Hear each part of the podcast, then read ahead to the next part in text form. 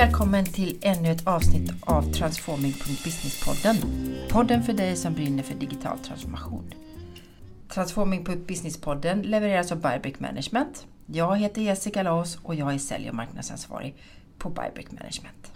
Idag har vi en liten annan twist på vår podd och vi kommer diskutera en av vår tids allra mest centrala frågor, nämligen hållbarhet. För så vitt som jag vet så har vi bara ett liv och vi har bara ett jordklot och just nu så lever vi lite över våra tillgångar. Det här gör givetvis att vi alla tillsammans behöver agera och ta ett gemensamt ansvar. För investerare blir det givetvis därför allt viktigare att analysera hur deras portföljer kan påverka. Och över 90 procent av svenska företag visar ett intresse för hållbarhetsfrågor. Samtidigt så kan vi läsa på LinkedIn att hållbarhetschefer runt om i svenska bolag fortfarande inte känner att de får riktig genomslagskraft. Det ställer givetvis nya krav på ledarskap, men det ställer också krav på insamling av data och uppföljning för att se progressen i arbetet. Och de här frågorna ska vi diskutera idag. Jag har därför med mig två fantastiska kvinnor som var och en är expert på sitt område. Emma Björner och Helena Lignell. Varmt välkomna! Tack så hjärtligt. Berätta lite om er själva, Emma. Mm. Jättekul att vara här. Mm. Jag heter Emma Björne. Jag är hållbarhetskonsult på Enact Sustainable Strategies. Enact är en värderingsdriven konsultbyrå specialiserad inom hållbar affärsutveckling och ansvarsfullt företagande. Eh, vi har kontor i Göteborg, Stockholm, Amsterdam och Shanghai och vi stöttar företag och organisationer i alla typer av branscher med att utveckla, implementera och kommunicera kring arbete för hållbara affärer. Vi erbjuder rådgivning, support, coaching och utbildningar till både svenska och utländska eh, företag och organisationer. Mm, spännande! Ja, mm. eh, och jag är också forskare och doktor i företagsekonomi. Jag skrev en avhandling om marknadsföring av kinesiska megastäder. Eh, idag forskar jag om hållbara städer och hållbar turism med Gothenburg Research Institute vid Handelshögskolan och Göteborgs universitet som min bas. Imponerande. Ja, verkligen. Mm. Och Helena då? Mm, jag är eh, status arbetsmiljöspecialist. Jag arbetar på ett bolag som är techbolag här i Göteborg. Mm. Um, vi finns också på fyra platser. Vi finns um, bara i Sverige än så länge. Göteborg, Stockholm, Malmö och Norrköping. Vår uh, mission är att uh, skapa ett arbetsliv som är enklare. Där komplicerade och tidskrävande arbetsuppgifter blir enklare i ett digitalt molnbaserat verktyg. Ehm, vi, ehm, vårt uppdrag ligger i att hjälpa såväl svenska som utländska kunder att se till att identifiera sina behov, eh, svårigheter, möjligheter och att anpassa ett digitalt verktyg för just deras verksamhet. Ni är ju helt rätt personer för den här diskussionen då känner jag. Mm. Jag vill börja med en kanske lite märklig fråga eftersom det är så självklart att det är viktigt att vi jobbar med att bevara vårt jordklot och säkerställa rättvisa förutsättningar. Men utöver det, vad är det för värde som skapas i de här organisationerna som faktiskt aktivt jobbar med hållbarhetsfrågor? Ehm, det är viktigt att jobba med hållbarhetsfrågor för företag och organisationer för att företag och organisationer har en väldigt stor möjlighet att påverka. Man mm. har väldigt stor påverkan, både potentiell positiv och negativ påverkan. Och därför är det en av anledningarna till att det är viktigt. Mm. Och som du pratade om innan att, att um, det är viktigt för företagen, just deras varumärke, att uh, trycka på att de är, har ett hållbart arbetssätt och verka för det. Jag, studier visar att, att börsnoterade bolag har en 5 högre vinst um, på, sina, um, på sin verksamhet. Just om det är kopplat till um, hållbarhet. Jag, tänk, ja. ja.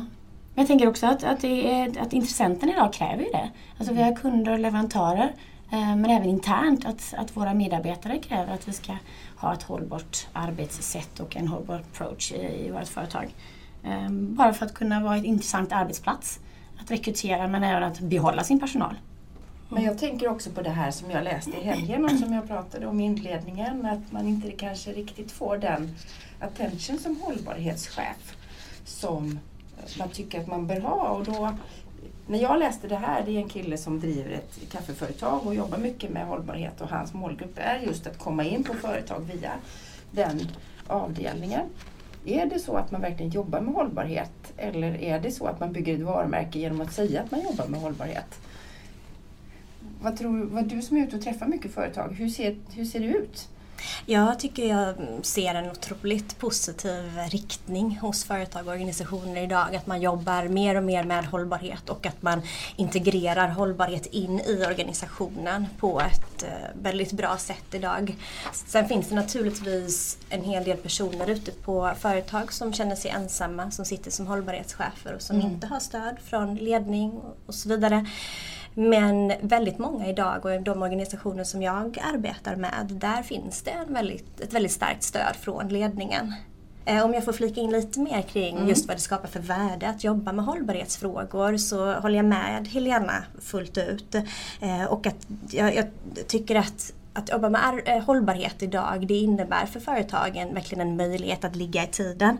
Eh, att hänga med i både då konsumenters och arbetstagares förväntningar och krav. Och vi ser att eh, människor idag har ökade krav på att företag ska arbeta med hållbarhet. Vi ser också när unga idag söker sitt första arbete så är hållbarhetsfrågor jätteviktigt. Mm, mm. Inför en arbetsintervju så läser de ofta hållbarhetsrapporten, åtminstone mm. första delarna av dem och inför att de ska träffa företaget.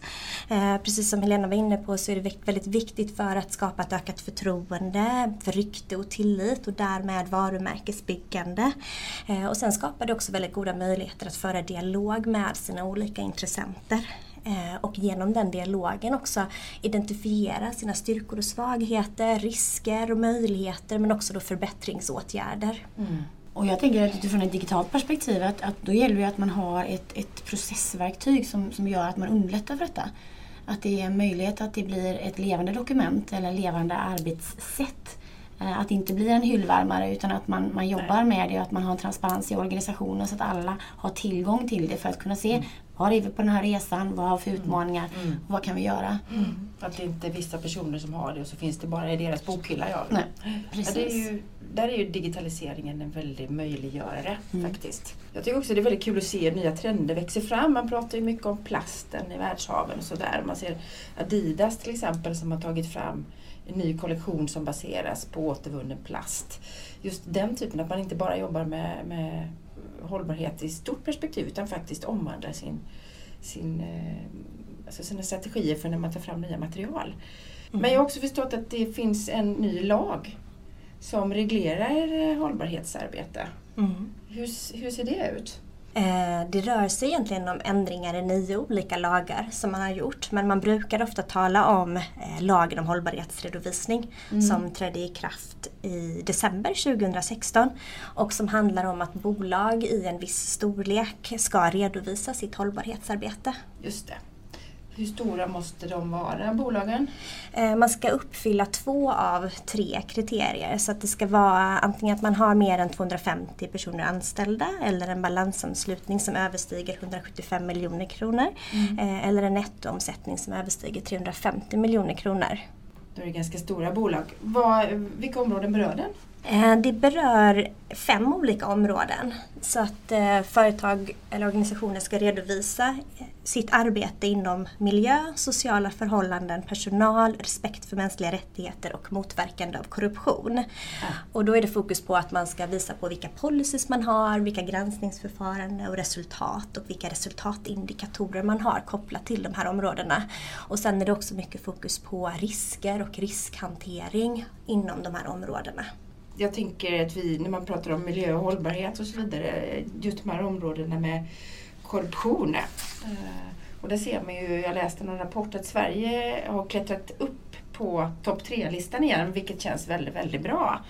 Eh, jag tror att det var Finland och Danmark som låg ovanför.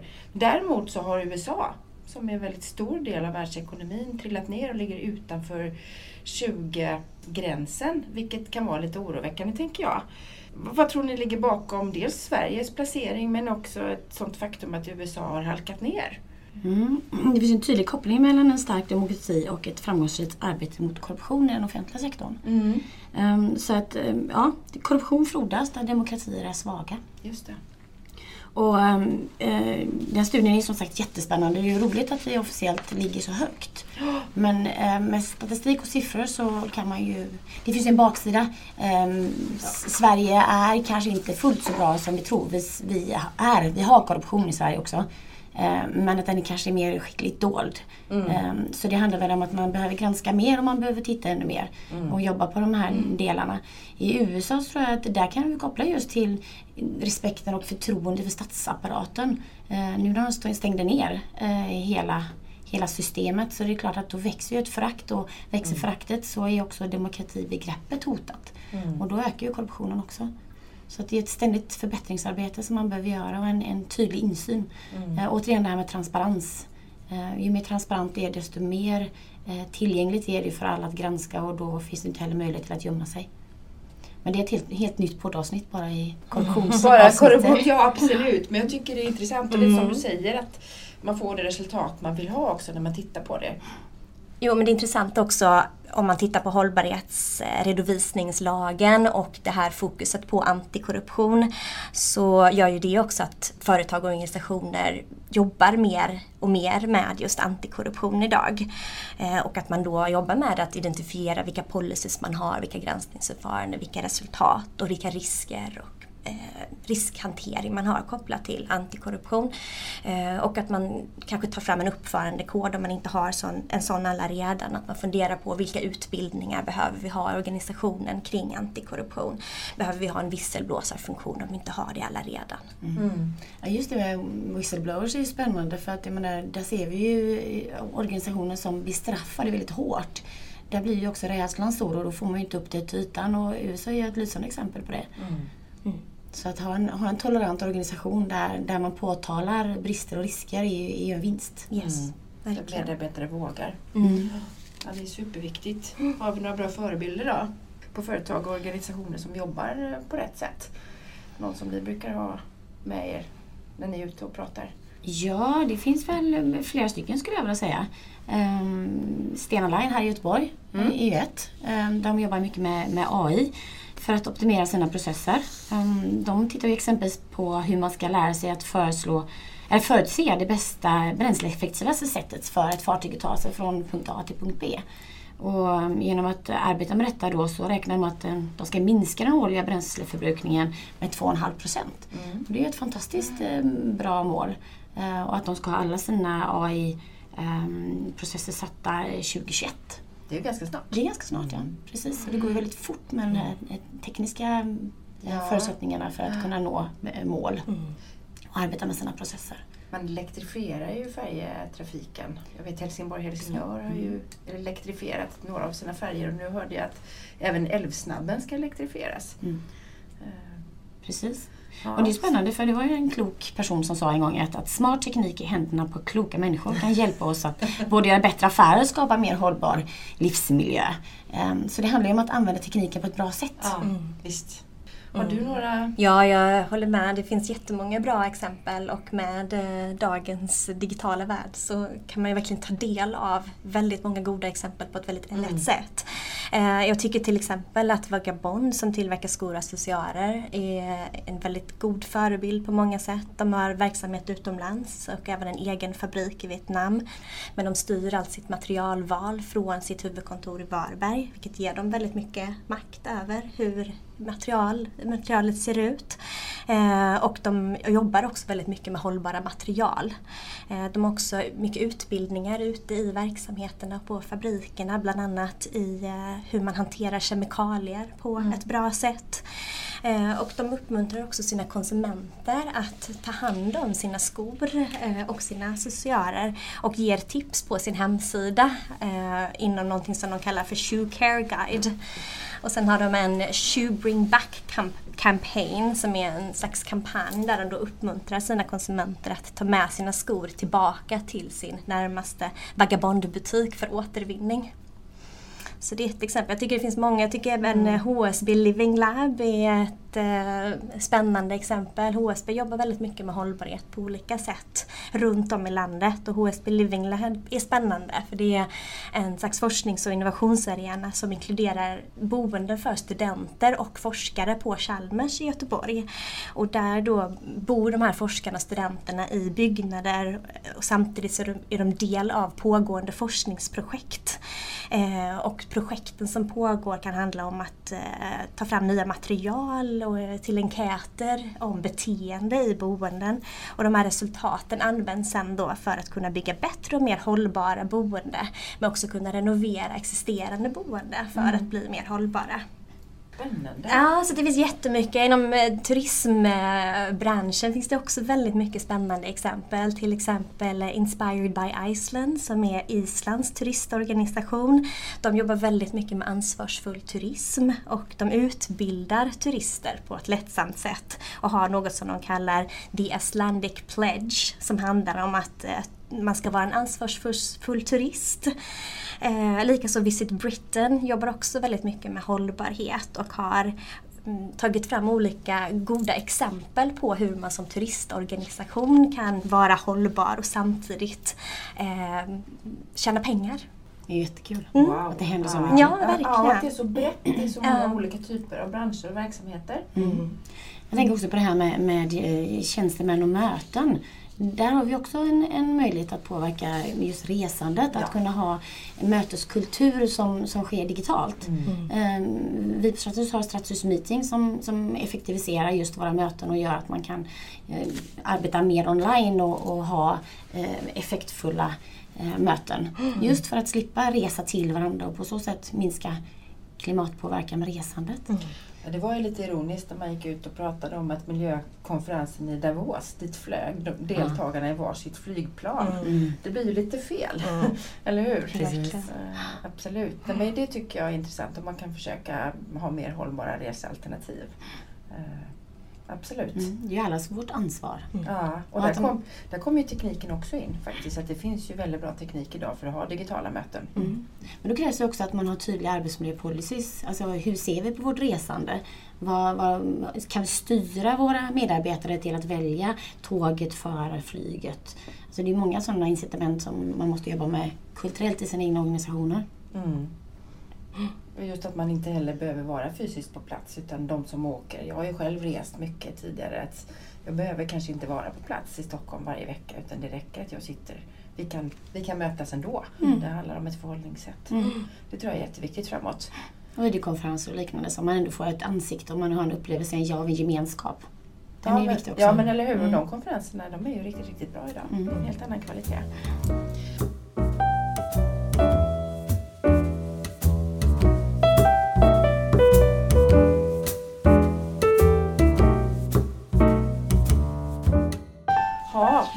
Jättebra med alla de här olika företagen och, och, och man börjar jobba med hållbarhet och sådär. Men hur går det till i, i praktiken när man, när man börjar, man sätter en strategi och så vidare. Men hur, hur, hur följer man upp sitt arbete? Ja, eh, alltså om man inte har jobbat med hållbarhetsarbete så mycket hittills så om man inte har hållbarhetsrapporterat till exempel så kan en väldigt bra första övning eh, vara att måla upp sin värdekedja Eh, och fundera på vad som ligger innanför eller inom och utanför ens egna kontroll.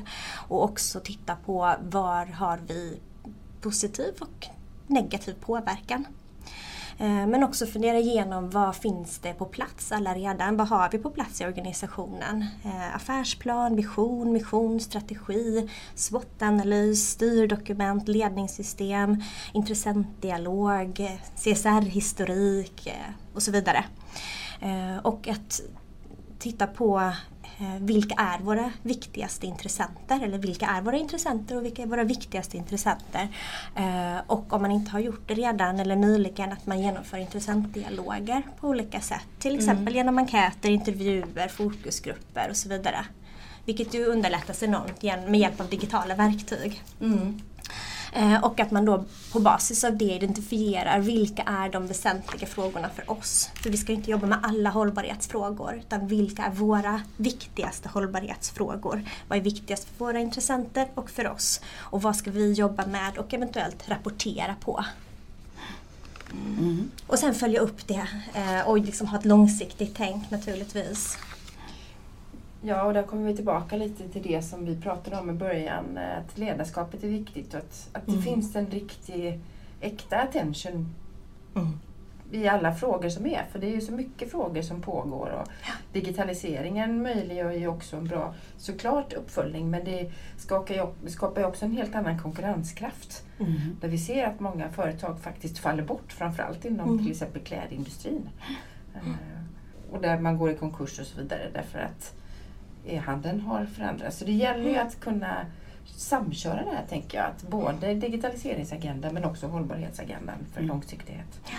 Och precis som du säger, att man har ett tydligt mandat från ledningen att det här är viktigt att arbeta med. Mm. Och att man får ut den informationen och, och det sättet att tänka ut i organisationen så att även chefer och andra har mandat att arbeta med och ta sig den tiden. Mm. För annars är risken att det blir en eller två på ett företag som är extremt dedikerade till just detta och de brinner för det och de driver hela processen. Försvinner de då så tappar man hela arbetet. Mm. Så det måste finnas dels tekniska verktyg, processverktyg till som alla kan ha arbete i och det ska vara enkelt att göra det. För gör det inte enkelt så blir det heller inte gjort. Mm. Så det är många processer och kulturella delar som man får jobba med hela vägen i, systemet, liksom mm. uppifrån hela vägen ner. Mm. Så just att använda tekniken på ett bra och klokt sätt med utvärderingar, med själva arbetet och processerna. Och sen tänker jag också att få en tydlig och enkel slutrapport Både för att kunna kommunicera det internt i företaget men även externt mot kund. Mm. Eh, och sitta och göra en hållbarhetsrapport eh, och inte göra det digitalt är ett, ett otroligt arbete. Mm. mm. Så man kan ha glädje och nytta av det. Det blir otroligt tidsbesparande om man jobbar kontinuerligt och systematiskt i ett digitalt verktyg. Ja, för jag tänker att det borde ju vara precis så som när vi införde det digitala in i det analoga. Att det, från början har man en digital strategi som är digital.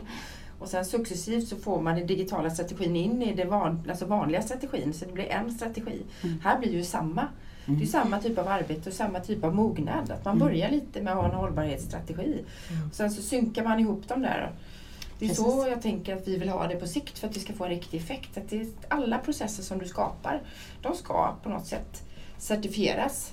Eh, så att du säkerställer redan i det initiala skedet mm. att det är hållbart. Precis, och digitalisering handlar ju om att, att både jobba digitalt, ja, men också kanske plocka upp det och lägga det som en molnbaserad tjänst. Mm. För att, så att du kan arbeta med det var du än är. Att du inte, att du inte måste koppla upp det på ett intranät eller att du har det liggandes i, i din dator på någon gemensam disk eller liknande, utan att du har det tillgängligt när som helst. Mm.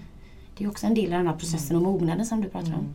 Mm. Och mindsetet framförallt. Mm. Precis så som med digitaliseringen så har du ju med ett mindset och det är människorna som gör skillnaden. Mm. Ändå. Visst är det så. Och det känns ju ändå, vi pratar ju parallellt eh, med det här långsiktiga så pratar vi om det agila. Mm. Eller hur? Alla ska jobba så agilt som möjligt. Man jobbar i sprintar och de är två veckor och sådär och så sätter man nästa eh, hur kan man applicera det agila eller hur jobbar man? Är det, det är långsiktigt, det förstår jag ju givetvis. Mm. Men med sitt hållbarhetsarbete, vad, vad, vilket tänk ska man ha? Det är inte alltid självklart att det är jättelångsiktigt i alla organisationer men det bör vara det. Mm. Eh, och det är klart att när man tänker hållbarhetsredovisning till exempel eh, och hållbarhetsarbete så är det väldigt viktigt att man sätter upp mål på längre sikt. Att man jobbar med målsättning men också att man har en plan för hur man ska arbeta med sitt hållbarhetsarbete över tid. Eh, vad vill vi uppnå eh, på tre års sikt, på fem års sikt och så vidare. Men också att man följer upp sina intressentdialoger och att man har en plan för det. Eh, mm om vi gör en, en, en, övergripande eller omfattande intressentdialog ett år så kanske man behöver följa upp med vissa intressentgrupper nästa år eller året därpå och så vidare. Eh, och sen det långsiktiga perspektivet så är det också viktigt att, att man har en koordinering internt, att man samlar de personer som jobbar med hållbarhetsarbete och att man lägger upp en plan för den gruppen. Hur ska vi jobba över tid? Och det, det kan man göra både på kort sikt och lång sikt såklart. Absolut. Mm. Mm. Vad, vi, vi har varit inne och nosat lite på det, att det digitala och man kan lägga i molnet och sådär. Finns det några bra verktyg, eller typ av verktyg, vi behöver inte nämna några specifika kanske, men som är, som är bra att ha med sig? Mm, absolut, det finns väldigt många idag, mm. olika digitala verktyg både för små och stora organisationer. Eh, vissa, ganska många jobbar fortfarande med eh, enkla verktyg som Excel. Mm. Eh, men många jobbar med just digitala verktyg. Eh, det finns något som heter hållbarhetsbarometern till exempel. Mm. Som är ett sätt att ehm, både rapportera men också följa upp sitt hållbarhetsarbete och också kunna jämföra sig med andra organisationer. Det är ju bra faktiskt. Ja. Mm. Vi har ju två inriktningar på det. Vi har ju dels ett, ett verktyg för hållbarhet för eh, stora organisationer, komplexa organisationer. Alltifrån kommuner och landsting till stora bolag. Um, inom Stratssys. Inom Stratssys, precis. Um, och sen så har vi även då möjligheter att, att kunna arbeta utifrån att man har en ambition att certifiera sig på sikt. Um, och det är ju lite specifikt också för det handlar ju just om att man ska sätta sina processer uh, och att man ska jobba med det övergripande men också man, man, kan också gå in och jobba indirekt i ett, ett processverktyg då uh, på daglig basis. Mm. Så att um, den möjligheten har vi också att erbjuda. Mm. Ja men det är ju bra. Jag gillar det där som du säger med hållbarhet, att man kan jämföra. För många organisationer tror kanske att de har kommit längre mm. än vad de har. Mm. Eller att man inte har kommit så långt. Mm. Så att få den här, det mm. kvittot på hur, hur andra jobbar. Ja. Och kanske också få inspiration av andra. Exakt.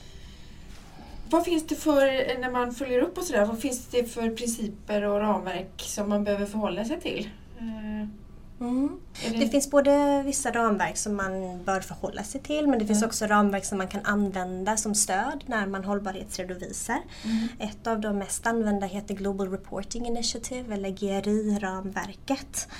Eh, och de, där finns det tio stycken olika redovisningsprinciper som är centrala där och då handlar det till exempel om att man ska involvera sina intressenter på ett bra sätt. Eh, man ska sätta in sitt hållbarhetsarbete i en större hållbarhetskontext. Eh, mm. Man ska fokusera på de väsentliga frågorna och rapportera på dem. Man ska vara exakt och tydlig i sin presentation av sitt hållbarhetsarbete. En väldigt viktig princip handlar om balans, vilket är att man inte bara ska fokusera på sin positiva påverkan påverkan utan också fokusera på sin negativa påverkan och mm. vara transparent och öppen mm. med det. Eh, och sen jämförbarhet och det handlar ju delvis om att man ska kunna jämföra sitt resultat över tid och därmed kunna se sin utveckling inom mm. hållbarhet. Men också då kunna jämföra med andra organisationer. Mm. Mm. Jag tänker att många har ju kommit igång men det finns ju också kanske bland lyssnarna här företag som inte riktigt har kommit lika långt. Och då mm. kan det vara bra att få det här för det är inte lätt, tänker jag, att veta alltid var man ska börja. Nej. Eh, och då är ju förebilder och ramverk och så vidare viktigt att ha. Verkligen. Eh, och ganska många idag jobbar också med eh, de globala målen, FNs globala mål. Mm. Eh, och det är också en spännande utveckling att det har snappats upp av så många. Och vi ser till exempel IKEA, Axfood Göteborgs Hamn, Nudie Jeans bara som några exempel.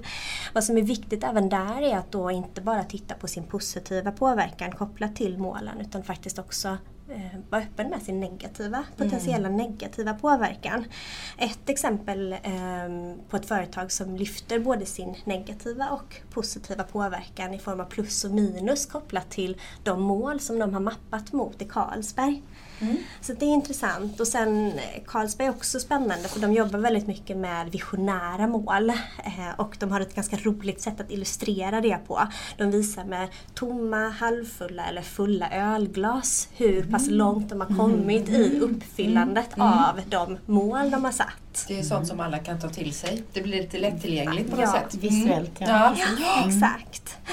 Eh, men det finns väldigt många spännande exempel. Mm. Eh, Atlas Copco är ett, ett, bra exempel tycker jag på ett företag som jobbar på ett tydligt sätt med sin riskkartläggning. De beskriver sina olika risker, en beskrivning av riskerna, motverkande faktorer men också möjligheter kopplat mm. till riskerna de identifierat. Mm. Eh, Göteborgs hamn tycker jag är ett annat spännande exempel. De är då ett bolag i Göteborgs stad som omfattas både av lagkravet och så använder de sig av GRI-ramverket i sin hållbarhetsredovisning.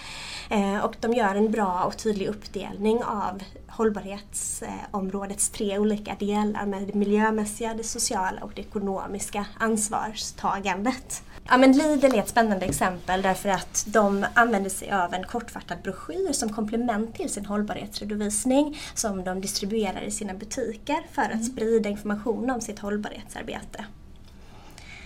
Mm. Mm. Och det är bra. Lidl hade jag inte riktigt den bilden för de har ju tidigare varit ute lite i blåsvädret mm. kring framförallt eh, medarbetarnas eh, förhållande och sådär. Mm. Så det gläder mig. Ja. Jag tror att, och jag hör när du sitter och pratar, att det blir tydligt hur viktigt det är att man på något sätt lägger det på en nivå så att alla kan förstå. Mm. För hållbarhetsarbete kan ju uppfattas som ganska tungt. Och det är mycket olika nyckeltal som inte gemene man känner sig eh, bekant med. Mm. Så att man lägger det, just det här med ölglasen tycker jag, för då, mm. då det involverar liksom en större grupp än ja, bara de som jobbar med det. Alla kan förstå mm. hur långt har man kommit. Ja, men exakt. Så att man förenklar det som ändå kan vara ganska komplext. Ja, och vissa gör så i sin hållbarhetsredovisning att de till exempel lägger en väldigt eh, engagerande och kommunikativ del till till, som en start på hållbarhetsredovisningen mm. och sen lägger de mer en, ett slags uppslagsverk mot slutet av hållbarhetsredovisningen. Där man, om man är väldigt hållbarhetsintresserad så mm. kan man söka informationen där. Just det, exakt. Mm. Så först lättillgängligt och sen så kommer mm. mer det här superfaktabaserade. Mm. Jag tror också att många skräms av arbetet att, att påbörja det för att det blir så stort och det är så komplext. Mm. Att, att det är viktigt att man tänker att det är en skalbarhet också. Att man börjar i det lite mindre perspektivet och sen successivt bygger på den här kompetensen och, och um, behoven Eh, kommer allt eftersom. Mm. Jag tänker att, att jobba utifrån ett, ett, digitalt verktyg som tillåter att börja med en, en, en basnivå för att sen kunna bli excellent. Um, och det är också viktigt med, i tänket när man ska besluta sig för vilket verktyg man vill jobba med. Om man vill gå från analogt till digitalt. Vad har vi för behov, vad har vi för kompetens, vad har vi för kunskap hos oss? Och vad är det för matchande verktyg vi måste skapa eller ska, skaffa då, mm. införskaffa? Mm. Jag tänker också att, att man ska vara lite ödmjuk inför den kompetensen som finns utanför. Att har vi inte det inom vårt bolag, att, att ta vara på människor som exempelvis dig Emma, eh, som kan hjälpa till att fylla ett digitalt verktyg med rätt saker. Så att vi mäter rätt saker, att vi har rätt nyckeltal, att vi har rätt processer, att vi har rätt eh, riskmatris för att kunna gradera fördelar kontra, eller möjligheter kontra risker. Mm. Um, och att det här genereras sen då i en, en slutrapport som är lättillgänglig för både mm. den som arbetar med det men även externt då för att kunna kommunicera ut det. Mm. Så det handlar ju om att få vara på de bästa av världar. Ja, men just det där som du säger med att ta hjälp, det tror jag är, det är ju en bra del för att komma igång. Mm. Om man inte har jobbat med de här frågorna förut eh, och inte har kompetensen inom bolaget. Så att det mm. finns konsulthjälp att mm. få faktiskt för att komma igång. Mm. Och att man faktiskt gör det. Tröskeln blir inte så stor då. Det är bättre att göra lite än inget. Mm. Ja, och ta hjälp av experterna för att kunna lägga sitt fokus på sin core business. Ja. Så det handlar om att göra det man är bra på. Um, för då, då uppnår vi de bästa resultaten. Mm. Det är ju så, känner vi oss inte trygga med något så hoppar vi gärna över det. Mm. Faktiskt. Det ska Men, vara enkelt att göra rätt. Ja. Mm. Och också om man har jobbat med hållbarhet länge så kan det vara värdefullt att få ett utifrån perspektiv för man blir lätt lite hemmablind. Mm. Mm. Så kan det vara. Det också. Men vad kul, vad spännande, eh, vad mycket jag har lärt mig, tänker jag. Eh, vi ska börja avrunda. Mm. Eh, men jag tänker att några, brukar, vi brukar summera och ge några goda råd. Eh, och då tänker jag både för företag eh, med väl fungerande hållbarhetsarbete, man kan, ju, man kan ju vara igång och tycka att vi jobbar på väldigt bra. Men också för de som inte riktigt har kommit igång och som känner, vad har vi för tre bästa tips vi var inne lite på det i slutet här kanske. Men mm. om vi nu ska summera. Mm. Ja. Mm. Har du några bra mm. Emma? Ja, alltså jag tänker kanske främst på de som inte har kommit igång. Men, eh, men delvis också för de som redan är igång. Eh, jag tänker att det finns väldigt mycket spännande hållbarhetsredovisningar och hållbarhetsarbete ute nu. Mm. Och det finns väldigt mycket att ta del av. Som inspiration. Så, som inspiration. Mm. Så jag skulle nog tipsa liksom att ta en titt på hur andra gör när de hållbarhetsredovisar inom din bransch. Eh, se hur de gör och lär av det. Och också fundera på vad har ni på plats alla redan. Som svenskt företag så gör man redan väldigt mycket inom hållbarhetsområdena. Eh, alla tre områdena. Mm. Um, och sen samla personerna i din organisation som på olika sätt jobbar med hållbarhet. Eh, och forma en hållbarhetsgrupp eller en hållbarhetskommitté om ni inte redan har det. Och då verkligen involvera ledning och VD och få med dem på tåget. Och diskutera då hur ett ökat fokus på hållbarhet kan skapa värde för er organisation. Och sen skissa på en plan framåt kopplat till det. Mm. Just det, höja, precis lyfta upp det här med vilket värde det skapar. Ja. Mm. Mm. Mm. När vi kommer till de digitala verktygen så tänker jag att man, om man vill gå från ett analogt arbetssätt till ett digitalt, då, att man ser till att ha ett kvalitetssäkrat verktyg. Eh, där man kanske på sikt kan få en certifiering om man har det som ambition. Men att det är någonting som ligger i, i framkant kanske. Att det handlar om att man ständigt ska arbeta med förbättringar. Mm att, vi, att man kan lägga till en automatisering så att man slipper att lägga mycket av kunskapen och informationen i form av att mata in nyckeltal eh, och liknande utan att man kan använda eh, business intelligence-verktyg till att få in den informationen. Mm. Så att det blir mer lättarbetat. Mm. För ibland man... kan det vara väldigt stora datamängder och det är svårt att processa dem när man sitter själv. Mm. Mm. Att man tar vara på den automatiseringen då. Ja, så du inte lägger tiden på det som egentligen kan automatiseras. Helt rätt. Mm. Så ett kvalitetssäkrat, kvalitetssäkrat verktyg som, som förenklar och förbättrar organisationen. Mm. Och som är lättarbetat. Mm. Så att inte det blir frustration. Bra tips! Mm. mm. Vilket eh, spännande avsnitt. Vad, eh, vi har inte missat något nu va? Jag tror vi har med allt. Mm. Ja, jag tror vi har med. Ja, absolut. Jättekul att ni tog er tid att komma hit. Mm, tack eh, Jag tror säkert att vi, har, eh, vi kommer ha mer att prata om framåt faktiskt på det här temat digital hållbarhet. Mm. Men då säger vi hej för idag. Tack och hej. Tack och hej. hej, hej.